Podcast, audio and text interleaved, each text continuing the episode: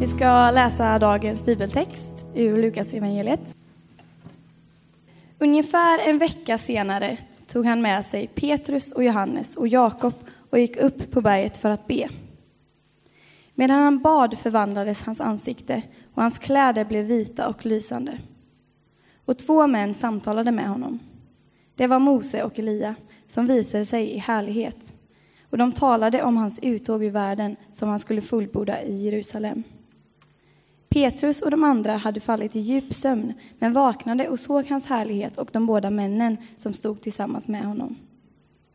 När dessa skulle lämna honom sa Petrus till Jesus, Mästare, det är bra att vi är med. Låt oss göra tre hyddor, en för dig, en för Mose och en för Elia. Han visste inte vad han sa. Men medan han talade kom ett moln och sänkte sig över dem, och när de försvann i molnet blev lärjungarna förskräckta.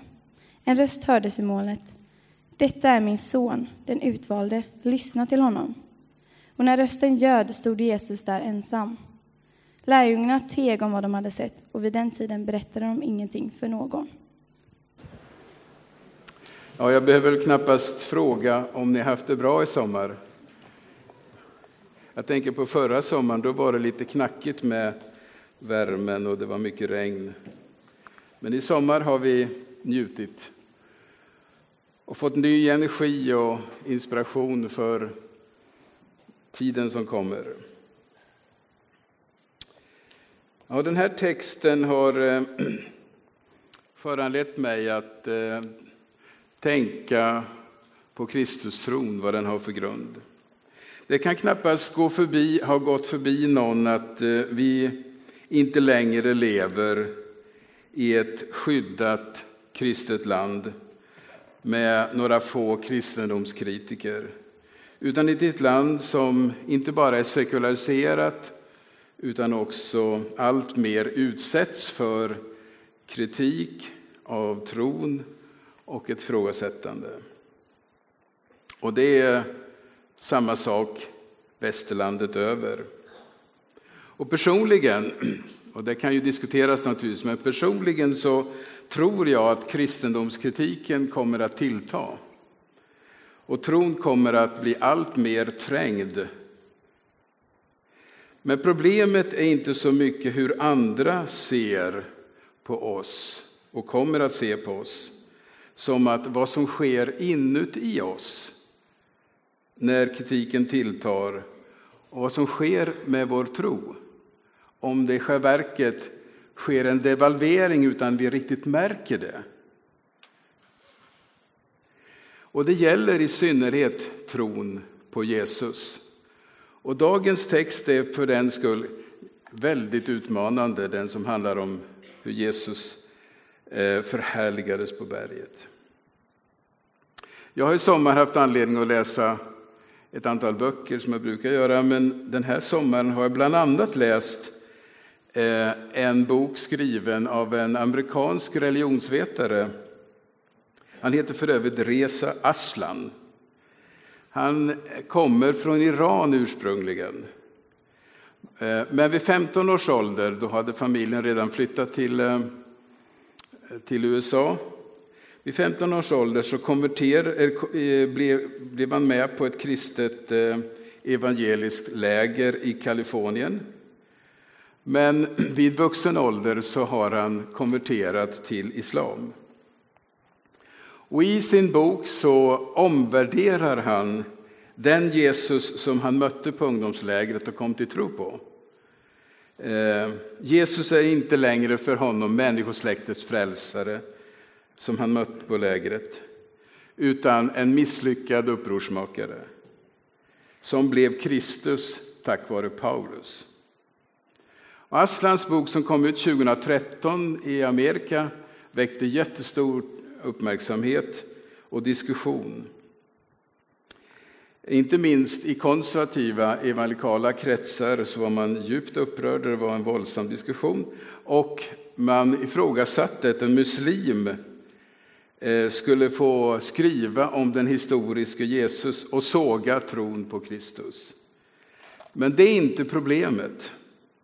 I ett öppet demokratiskt samhälle så måste alla få rätt att framföra sina åsikter, även religiösa frågor. Problemet är snarare på vilken grund bygger vi vår tro? På forskarnas eller förkunnelsens? Det är en intressant motsättning och det går att fundera över den. Nu är det så att den här situationen inte på något sätt är ny. Eh, att Jesus är föremål för kritik eller Jesus-tron är före, föremål för kritik. Redan de första kristna väldigt tidigt ifrågasattes just på denna punkt. Och märkligt nog, när Petrus skriver sitt andra brev eh, så hänvisar han just till förklaringen, till den händelsen på förklaringsberget. När han inför utomståendes kritik skulle försvara tron och särskilt tron på Jesus. Så här står det i Andra Petrusbrevet. Det var inte några skickligt hopdiktade sagor jag byggde på när jag för er förkunnade vår Herre Jesu Kristi makt och ankomst. Utan jag hade med egna ögon sett honom i hans majestät. Ty han mottog ära och härlighet från Gud sin fader när en röst kom till honom ur eh, molnet som löd Detta är min älskade son, honom har utvalt. Den rösten hörde jag själv komma från himlen när jag var med honom på det heliga berget. Så för Simon Petrus så är den här händelsen på förklaringsberget avgörande för hans tro. Petrus försvarade sin tro med hänvisning till sina upplevelser på berget. Idag så tänkte jag fortsätta på det där spåret och fråga vilken betydelse har förklaringsberget för vårt försvar av vår tro? Vad grundar sig vår tro på? Det låter ju som intellektuella frågor, det får ni ta det så. Det första som jag vill säga det är att Jesus tro är ingen självklarhet. I berättelsen om förklaringsberget så finns det en kommentar av berättaren som är komisk men inte oväsentlig. Om Petrus så sägs det att han hade föreslagit att man skulle bygga tre hyddor åt dem som visade sig på berget, Jesus, Mose och Lia.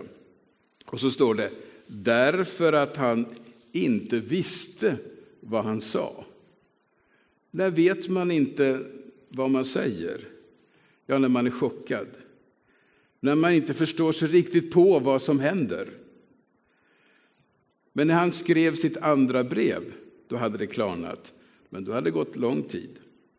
Men just då, när det hände, så var det obegripligt för honom att vakna ur den tillfälliga sömnen och se Jesus annorlunda och två andra gestalter som han inte alls hade väntat sig se. I Markus och Matteus sägs det att Jesus hade förvandlats inför dem. Och Lukas han säger så här att hans ansiktes utseende hade blivit annorlunda. Han strålade. Vad Petrus hade fått se var inte den vanlige Jesus, utan en annorlunda Jesus. Som tillsammans med två till synes främmande gestalter som hade visat sig vara Mose och Elia, båda döda sedan århundraden. Det här har naturligtvis föranlett teologer och forskare och andra att se problem med den här texten. Och ärliga bibelläsare funderar naturligtvis också och har funderingar inför den här händelsen. Vad var det som hände? Vad var det för slags förvandling som inträffade? Är det fråga om en fysisk förvandling, eller en psykologisk förvandling eller en symbolisk förvandling? Skedde det verkligen en fysisk förvandling? Eller är det fråga, bara fråga om en illusion? som Petrus och de andra fick? Eller är det bara fråga om en bildlig framställning i evangeliet för att framhålla att Jesus verkligen är annorlunda jämfört med alla oss andra och framhålla Jesu unika identitet och status? Just nu vill jag knyta an till det här problemet, framförallt eh, som har att göra med trons grund. Petrus oförstånd eller missförstånd synliggör något alldeles väsentligt med den kristna tron. Jesus tro är ingen självklarhet som man greppar utan vidare. Inte ens när man gick där med Jesus vid sin sida. Varken på Jesu tid och än mindre i vår tid så är det en självklarhet att tro på Jesus. Om du tycker att du inte riktigt begriper dig på Jesus eller inte förstår dig på riktigt berättelsen om Jesus så är du faktiskt inte ensam om det. Mänskligt sett är det inte lätt.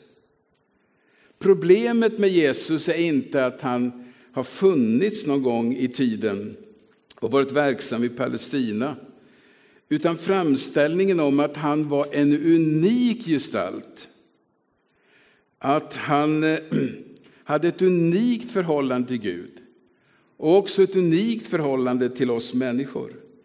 Att hans öde var unikt och framförallt slutet på hans liv och efter hans liv då det fortsatte med att han blev upphöjd till Guds son, Guds ställföreträdande regent, människors domare och frälsare. Själva den bilden av Jesus som Guds son, som Herre, som frälsare är inte lätt att greppa. Mänskligt sett är det fullständigt otroligt att mannen från Nasaret är Guds son. Det är inte alls märkligt att det genom historien har dykt upp mängder av förklaringar om Jesus och Jesusgestalten. Berättelsen om förklaringsberget har för, då för första en alldeles särskild betydelse. Det är gåtfullt, oförklarligt, detta med tron på Jesus. Och ibland så försöker vi försvara tron historiskt och vetenskapligt för att argumentera för vår tro. Det är inte alldeles ovanligt nu för tiden. Vi är så vana att bygga vårt liv på vetenskap och beprövad erfarenhet att vi frestas också att bygga tron därpå. Men vetenskapen kan faktiskt bara referera till kända mänskliga fenomen. Man kan inte säga någonting om det unika med Jesus, det som vi verkligen tror. Jag är övertygad om att kristen tro mår bäst av om man inser att vår tro är gåtfull. Att den inte kan bekräftas på mänskligt vis. Att det är en risk att sätta tilltro till evangeliet om Jesus och att det kommer att visa sig först långt senare att det var sant. När livet är slut eller efter ett långt liv kommer det att visa sig att evangeliet var sant. Det finns någonting annat i den här texten som också är jättespännande. När man hade vaknat ur sömnen så står det att de fick se hans härlighet och de båda männen stod tillsammans med honom. Och så hörde de en röst som betygade att Jesus var Guds son. Vad var det frågan om? Vad är det som hände på berget? Ja, det är inte förvandlingen som är poängen, utan uppenbarelsen. Att Gud manifesterade synligt att Jesus är Guds son. En manifestation från himlen. Likt Mose, som en gång fick möta Gud på berget och efteråt strålade likt månen som reflekterar solljuset, så återspeglade Jesus på berget Guds härlighet och strålglans inför sina lärjungar. Det lärjungarna en gång hade varit med om på berget har de sedan återberättat med hjälp av berättelsen om Mose. Men hur kan man tro på något sånt? Det hänger helt enkelt samman med vad man tror överhuvudtaget om tillvaron. Om man tror att det finns en Gud. Om den gudomliga världen kan visa sig och Gud kan uppenbara sig. Tror man inte det så handlar den här texten helt enkelt om ingenting annat än religiösa fantasier och illusioner. För mig så handlar den här berättelsen om en gudomlig uppenbarelse av vem Jesus är. Gud avslöjar på ett påtagligt vis att Jesus är Guds son. Och i denna berättelse så bekräftar Gud just detta. Detta är min älskade son. Det vill säga, lärjungarna kunde inte själva komma på det. Hur skulle de kunna tolka gestalten från Nasaret som Guds son? Men Gud talade om det för dem på det här mycket drastiska och påtagliga viset. Jesus hade gjort anspråk på att vara Messias och Människosonen och Gud säger han är Guds son. Så i en föregripande förvandling så låter Gud visa vem de har att följa. De följer den som ska dela Guds ära och härlighet och få Guds majestät iklätt efter uppståndelse och himmelsfärd. Vi har ingen direkt tillgång till Gud i betydelsen att vi ser honom med våra fysiska ögon. Inte ens den gudomliga världen är tillgänglig för oss med våra fysiska och mänskliga sinnen. Försök att se Gud. Och du får se att du inte kan se. Men utan uppenbarelse ingen tro. Utan uppenbarelse, hur kan vi veta att Jesus är Guds inkarnerade son? Att Jesus dött för våra synder. Vi kan veta att han har dött. Men om inte någon talar om det för oss, nämligen Gud själv, att han dött för våra synder, så visste vi inte det. Hur kan vi veta att Jesus är frälsaren? Utan uppenbarelse är vi utlämnade åt våra egna funderingar om livets mening och människans värde. Men Gud har inte utlämnat oss åt oss själva, inte åt mörkret, utan han har uppenbarat sig och Jesus. Om uppenbarelsen på förklaringsberget var grundläggande för Petrus tro så skulle jag vilja säga att uppenbarelsen genom Jesu uppståndelse är det grundläggande för min tro. Jesus lever och har uppenbarat att Gud finns och verkar mitt i vår värld. Det finns en uppmaning i den här texten som på sätt och vis texten driver mot och därmed gör det mest viktiga. Så här står det. Lyssna till honom. När de såg ingen annan än Jesus så sa rösten, lyssna till honom.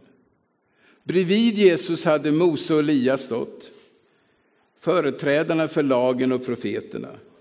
Men den himmelska rösten fokuserade på Jesus. Honom skulle man lyssna till, inte till lagen och profeterna, eller rättare sagt, man skulle lyssna till lagen och profeterna genom Jesus. Och plötsligt fanns bara Jesus kvar. Den kristna tron bygger på två förutsättningar. Ett, att Gud har uppenbarat sig. Och två, att människor lyssnar i tro och sätter tilltro till vittnesbörden om hans uppenbarelse. Tron kan varken krävas eller befallas. Tron föds genom att lyssna till berättelserna, ta in dem i sitt innersta och låta dem påverka en. Och det räcker med Jesus, med berättelsen om Jesus. Det är genom honom som vi finner och ser Gud. Det är genom honom som vi finner vägen till förlåtelse och försoning. Och det är genom honom som vi finner vägen till evigt liv. Det finns ingen annan väg till tro än att ta risken att lita på vittnesbördet om att Gud uppenbarar sig genom Jesus. Visserligen så berättas den här texten i de sista raderna att de teg med vad de har sett. Kanske för att de var chockade, kanske för att de inte förstod vad det betydde för dem, eller att de fruktade att eh, bli förklarade som idioter. Det spelar ingen roll. Men efter uppståndelsen, efter den stora uppenbarelsen, så teg de inte längre. När Gud hade uppenbarat sin makt och härlighet i Jesu död och uppståndelse, då teg de inte längre. Och nu är det vår tur. Och den som har lyssnat till mig många gånger hör att jag har sagt detta om och om igen. Nu är det vår tur att välja. Det är vi som har ansvar. Att välja tro eller inte, den ramlar inte på dig. Utan du måste välja den till slut. Det är ditt val. Jag har en liten komisk, ja, nästan rörande erfarenhet från i sommar. När jag skjutsade mina, några av mina barnbarn till Öland. Och vi har så många barnbarn så att vi var tvungna att ha två bilar. Och i den bilen som jag körde så satt eh, några av flickorna och de hade varit på läger för några veckor sedan. De där flickorna de är sju och nio år. Och de hade varit på ett barnläger, eller ja, ett barnläger. Och de sjöng alla möjliga sånger, alla sånger som de hade lärt sig på lägret naturligtvis. Men jag blev mest gripen av när jag hörde de där små flickrösterna sjunga Jag har beslutat att följa Jesus. Jag har beslutat att följa Jesus och aldrig mer tillbaka gå. Och det tog tag i mig, gamla gubbe. Och jag minns min egen barndom, min egen ungdom.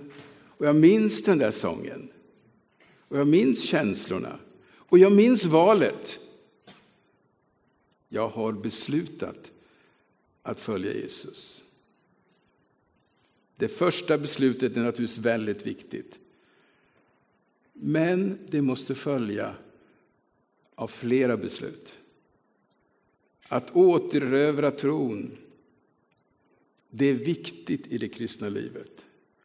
Att ständigt sjunga för sig själv, säga för sig själv och framförallt säga det inför sin Herre.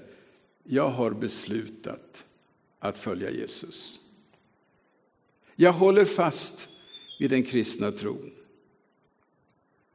Även om det är gåt, mänskligt gåtfullt och inte tillgängligt för förståndet hur som helst. Jag har beslutat att följa Jesus. Som vanligt ska vi fira nattvard idag.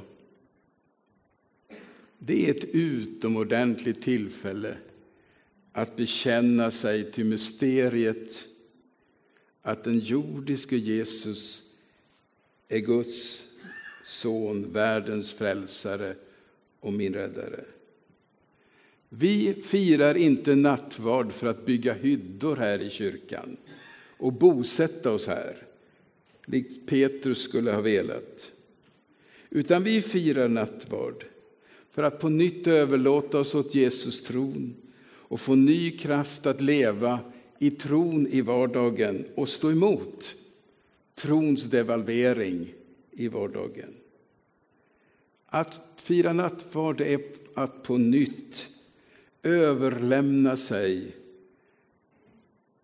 åt honom som ger livet mening och kraft, åt uppenbarelsen av Jesus.